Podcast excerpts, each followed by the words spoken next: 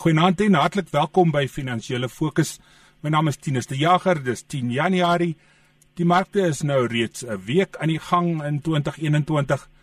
En daar het reeds 'n paar goed gebeur in hierdie nuwe jaar. Vanaand gesels ek met Jean-Pierre Verster van Protea Capital Management en Johan Gous van Sasfin Wealth oor die week wat verby is. En ons kyk ook so 'n bietjie vooruit na die week wat kom. Goeienaand Jean-Pierre. Goeienaand Johan. Jean-Pierre, as ons miskien by jou kan begin. Die rand het die week so rondom R14.60 begin, geëindig op R15.30 in die dollar. Dit ten spyte van betogings in Washington. Hoe werk dit dan? As dit sleg gaan by ons, dan gaan dit sleg by die met die rand. Maar as dit sleg gaan in die VSA, dan gaan dit ook sleg met die rand. Dit dit maak net nie vir my sin nie. Naantien is ja, kyk ek dink dit is belangrik ook om te let as die as sogenaamde kenners soos ek self probeer kyk hoekom iets soos 'n geldeenheid uh, verander het oor 'n week, dan kan 'n mens nie net kyk na redes, fundamentele redes nie, daar's natuurlik ook sentiment wat uh, wat iets soos 'n wisselkoers uh, in 'n sekere rigting druk. So ons probeer ook maar kyk vir redes, maar terselfdertyd weet ons dat korrelasie is nie dieselfde as oorsaak nie. So as ek vir jou 'n rede gee, Tine, is dit weer eens 'n opinie liewers as 'n feit en ek moet dit net vooraf stel. So in my opinie kan 'n mens sê dat die rand het verswak en dieselfde week wat daar uh, addisionele bekommernisse was oor die spesifieke COVID variant wat in Suid-Afrika gevind was. En die feit dat ons dalk in Suid-Afrika 'n ander uh, meer langdurige proses sal hê van 'n uh, herstel in ons ekonomie teenoor die Verenigde State en ander lande waar inenting baie vinniger plaasvind en die verwagting is dat hulle nie uh, die COVID variant sal kry wat uh, potensieel moeiliker is om te stuit nie en derhalwe dat daai ander ekonomieë vinniger sal herstel. En daarom oor die algemeen die afgelope week het ons gesien dat die geldeenhede van daai lande wat op die uh, op die voorsprong is van inentingsprogramme het meer verstewig teenoor daai lande wie agter uh, in die tou is in terme van hulle inentingsskedules soos wat mense verwag dat in sekere lande gaan die ekonomie baie vinniger herstel teenoor ander waar dit stadiger sal herstel. So nie teenstaande die politieke stories wat ons die afgelope week in die Verenigde State gesien het, is die fokus meer op hoe vinnig die ekonomie gaan herstel as gevolg van COVID-19, liewers as noodwendig wat in politiek aangaan. Nou na daai verduideliking is die volgende vraag teen die onregverdig. Die indeks vir alle aandele op die JSE het die week op 49408 begin. Dit eindig toe nou op 63519 as as ons nou kyk na wat die wat met die rand gebeur en en die sentiment rondom die die rand is die sentiment rondom ons beurs dan nou beter?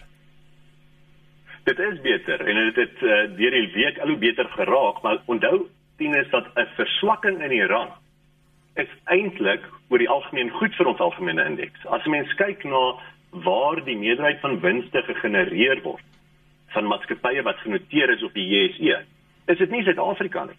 Die meeste van die winste gebaseer ge, ge, ge op markkapitalisasie word gegenereer in die buiteland. So as die rand verswak, beteken dit eintlik dat die rand ekwivalente verdienste verhoog. En dit is presies wat ons die afgelope week gesien het. Die index het gestyg as gevolg van meestal hulpbron aandele wat gestyg het en hulpbron aandele baie van die myne uh, uh, is miskien in Suid-Afrika geleë maar hulle verkope is in dollars. Of dit nou goud of platinum of ystererts is. En derhalwe 'n verswakking van die rand is goed vir daai hulpbronmaatskappye goed vir die myne. En derhalwe 'n verswakking in die rand lei tot hoër winste en dit was goed vir die aandele gewees. Natuurlik jy noem die sentiment ook dit was ook goed vir die myne gewees. Uh, ons sal miskien later gesels oor die feit dat langtermyn ehm um, uh, uh, opbrengste op uh, uh, of of ehm um, liewers die koers op langtermyn skuldbriewe van lande ook toegeneem het. En dit is ook 'n goeie ding want dit wys dat hopelik sal ons groei sien in ekonomie in die toekoms. Dit is ook goed vir hulpbron aandele omdat dit beteken noodwendig die gebruik van meer hulpbronne soos dat ekonomie groei en dit alles was 'n rede vir die positiewe sentiment op die JSE maar ook positiewe fundamentele redes wat veral die hulpbron aandele opgestoot het. Dis so kwart voor 9. Jy luister na Finansiële Fokus op RSG. Ons tweede gas vanaand is Johan Gous. Hy is hoof van advies by Sasfin Wealth. Johan, watter aandele het die afgelope week vir jou uitgestaan? Ons ons blik is nog so effens terug. Sasol het goed gedoen. Maar Naspers en Prosus was bietjie albei bietjie onder druk die week. Goeienaand Tinus en eh, Jean-Pierre en al die luisteraars. Ja, Tinus, jy weet as ons nou terugkyk uh, oor die laaste 5 dae net om daar perspektief te gee, dit was die beste 5 dae wat ons gehad het uh, sedert 1991 uh, met die 7% styging. En as ons nou terugkyk, dan sien ons dat die JSE nou so wat 68% hoër is as die laagtepunt wat ons uh, in Maart laas jaar um, bereik het. En uh, hierdie week was die JSE ook een van die beste um, presterende opkomende markbeurse gewees maar ek dink mense moet baie versigtig wees omdat dit mense nou weggevoer raak nie want ons maar nog steeds baie plaaslike en buitelandse faktore wat weer in die korttermyn van hierdie vinnige stygings weer kan laat terugtrek. Maar kyk ons na spesifieke aandele teen dit banke het die laaste week baie goed gevaar en net op donderdag en vrydag alleen het aandele soos First Brand en Standard Bank met 7 tot 8% gestyg. Imperial Logistics en en Aspen het ook 'n baie goeie week gehad Uh, en dan selfs so, jy weet, uh, ander wat baie mense na kyk op die oomblik want ehm um, jy weet hy het 'n goeie loopie gehad. Ons praat van 'n 27% loopie net die laaste week en 35% stygings wat ons gesien het die laaste 3 maande in Sasol se aandeleprys. En die rede daarvoor, eh, Tinus, is maar die feit dat die ruolieprys het nou weer vir die eerste keer sedert Februarie 2020 die 55 dollar vlak bereik. En dit is 'n groot dryfveer van hierdie aandeel die laaste paar weke maar die aandeleprys is nog steeds so wat 45% uh laer as 'n jaar gelede uh toe hy op so R310 verhandel het en ons moet onthou hierdie aandeel het ook van R22 af gekom in Maart laas jaar. Maar ek dink die beter oor die pryse en dan ook die onlangse verkoop van besigheidsbelange in die vorm van like Charles in die FSA en ook in Mozambique en Gabon ehm um, en die skuldlaste van Sasol heelwat verminder en dan ook gemaak dat uh, daar hierdie beperkte regte uitgifte van so wat 2 miljard dollar ons behoort nie regte uitgifte van meer as dit te benodig nie en dit is ook positief vir die aandeleprys. Johan dan dan laat Vrydagmiddag het IBN bev aangekondig dat sy verdere beleggings in die land saam met werkskepping in gevaar is met verdere COVID-19 beperkings. Natuurlik sit die inperkingsdruk op die brouwer hier, maar hy is tog nie net in Suid-Afrika nie. Daar is werksamehede in ander lande, veral in die FSA. Ehm um, is dit nie dalk nou juist die tyd om meer geld in Suid-Afrika te belê? Kies as deel van die oorspronklike ooreenkoms met die 106 miljard rand samesmelting wat ons van SAB en INBEF in 2016 gehad het, um, is dit sodat SAB sekere ondernemings gemaak het aan die regering rondom beleggings wat gemaak geword en ook werknemers wat hulle werk sou behou. Nou SAB het met die samesmelting onderneem om die getal werknemers van net minder as 6000 mense te handhaaf en oor 'n periode van 5 jaar 1 miljard uh, dollar dan te belê in gelyke hoeveelhede van so 200 uh, miljoen per jaar en ehm um, die uh, eh, FOB het nou met die regering aangevat en gesê dat hierdie derde beperking van alkohol wat ons nou onlangs die regering gesien het onwettig is. En ons weet nou met hierdie verbod op alkoholverkope is is daar nou kommer dat AB InBev nie aan die oorspronklike voorwaardes van daai samesmelting sal kan voldoen nie. En uh, in Mei laas jaar het AB InBev reeds 'n voorstel aan die kompetisiekommissie gestuur om die samesmeltingsooreenkoms voorwaardes dalk aan te pas. En mens kan verstaan dat hy die INDEF 'n wesenlike uitdaging gaan hê om aan die voorwaardes te voldoen as hy sy produkte plaaslik kan verkoop nie. Maar hy die INDEF ehm um, het nou reeds maande se verkope verloor weens die inperkings uh, wat die alkoholverkope nou uh, verbied. En net so vele ander besighede tieners uh, sal die oorweging van afleggings ook op INDEF se agenda wees hier in Suid-Afrika.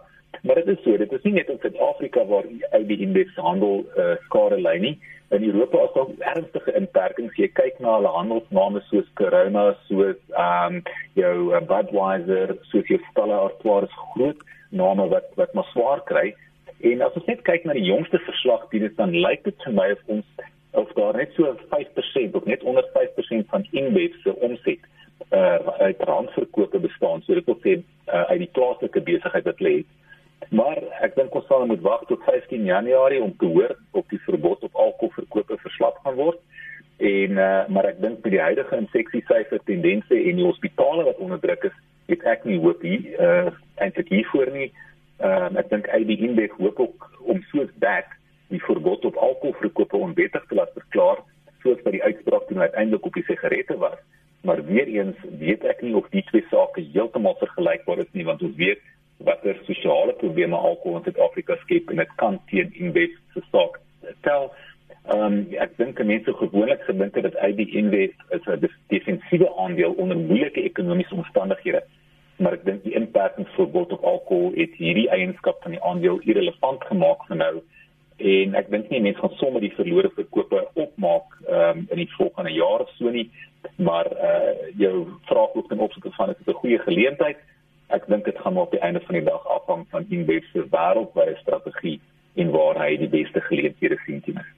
As ons miskien terugkyk na die eerste beperking Johan, dit, dit het nie lank gevat vir beide Destel en IB Inbev om om weer hulle aandeleprys te bereik nadat die inperkings opgeskort is.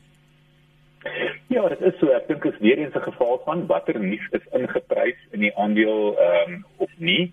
Ehm um, en dit is so dat die die verkope gaan nie vir ewig ehm um, gestaak word nie, maar ek dink tog dit het 'n wesenlike impak ehm um, op die korttermyn op hierdie aandele, maar maar weer eens as jy 'n langtermynbelegger is, ehm um, gaan jy terugkyk oor jare van nou af en hierdie gaan 'n klein gebeurtenis wees in die groter geheel. So ek dink nie mense moet te veel weggevoer raak op hierdie stadium uh, rondom die korttermyn effek op hierdie aandele nie. Jean-Pierre ten spyte van die van die beurs wat geklim het, het, het goudmyn aandele swaar gekry Vrydag.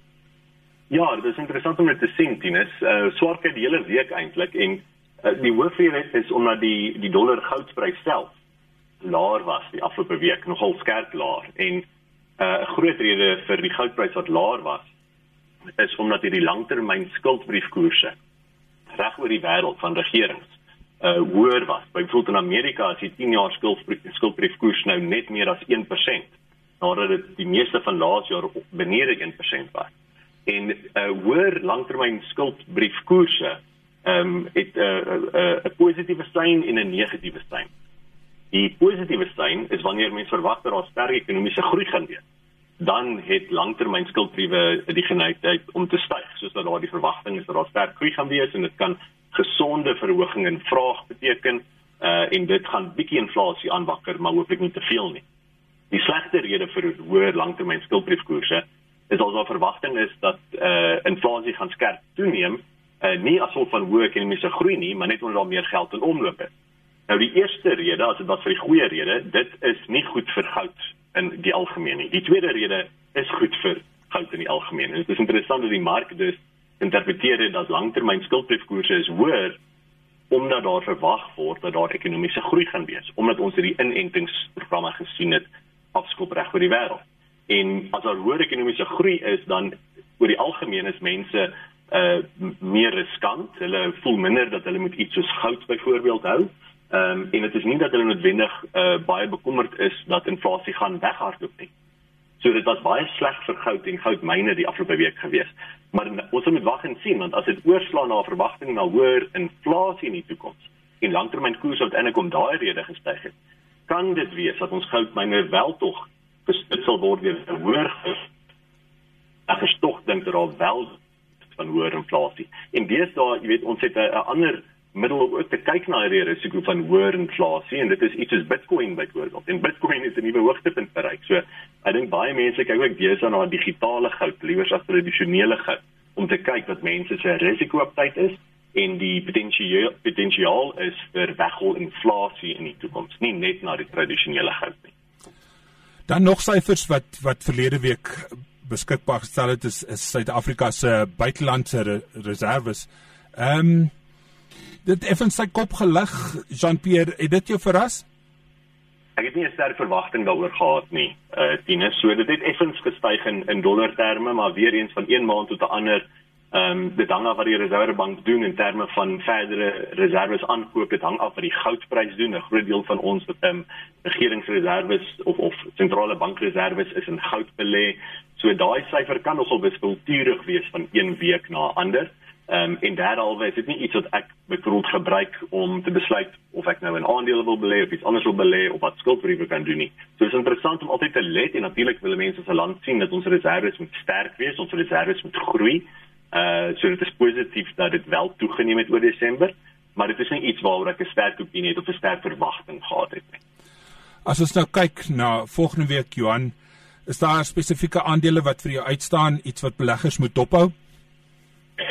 Dit is ek uh, sou nie eintlik spesifieke aandele uitwys nie. Miskien kan ek net sê jy weet wat met Naspers en Prosus hierdie week gebeur het. Ek dink van die mense was verras om te sien dat Naspers het 'n uh, redelike goeie stygings begin toon en toe trek hy weer terug en die rede daarvoor was maar eintlik daar was Woensdag was daar ehm um, deur die Amerikaners aangekondig dat uh hulle dalk nie van die, hulle deur die Amerikaners self sou toelaat om intensief te belê as deel van 'n swart lys van Chinese aandele wat dalk verbintenisse met militêre of staatssekuriteit in China mag hê nie.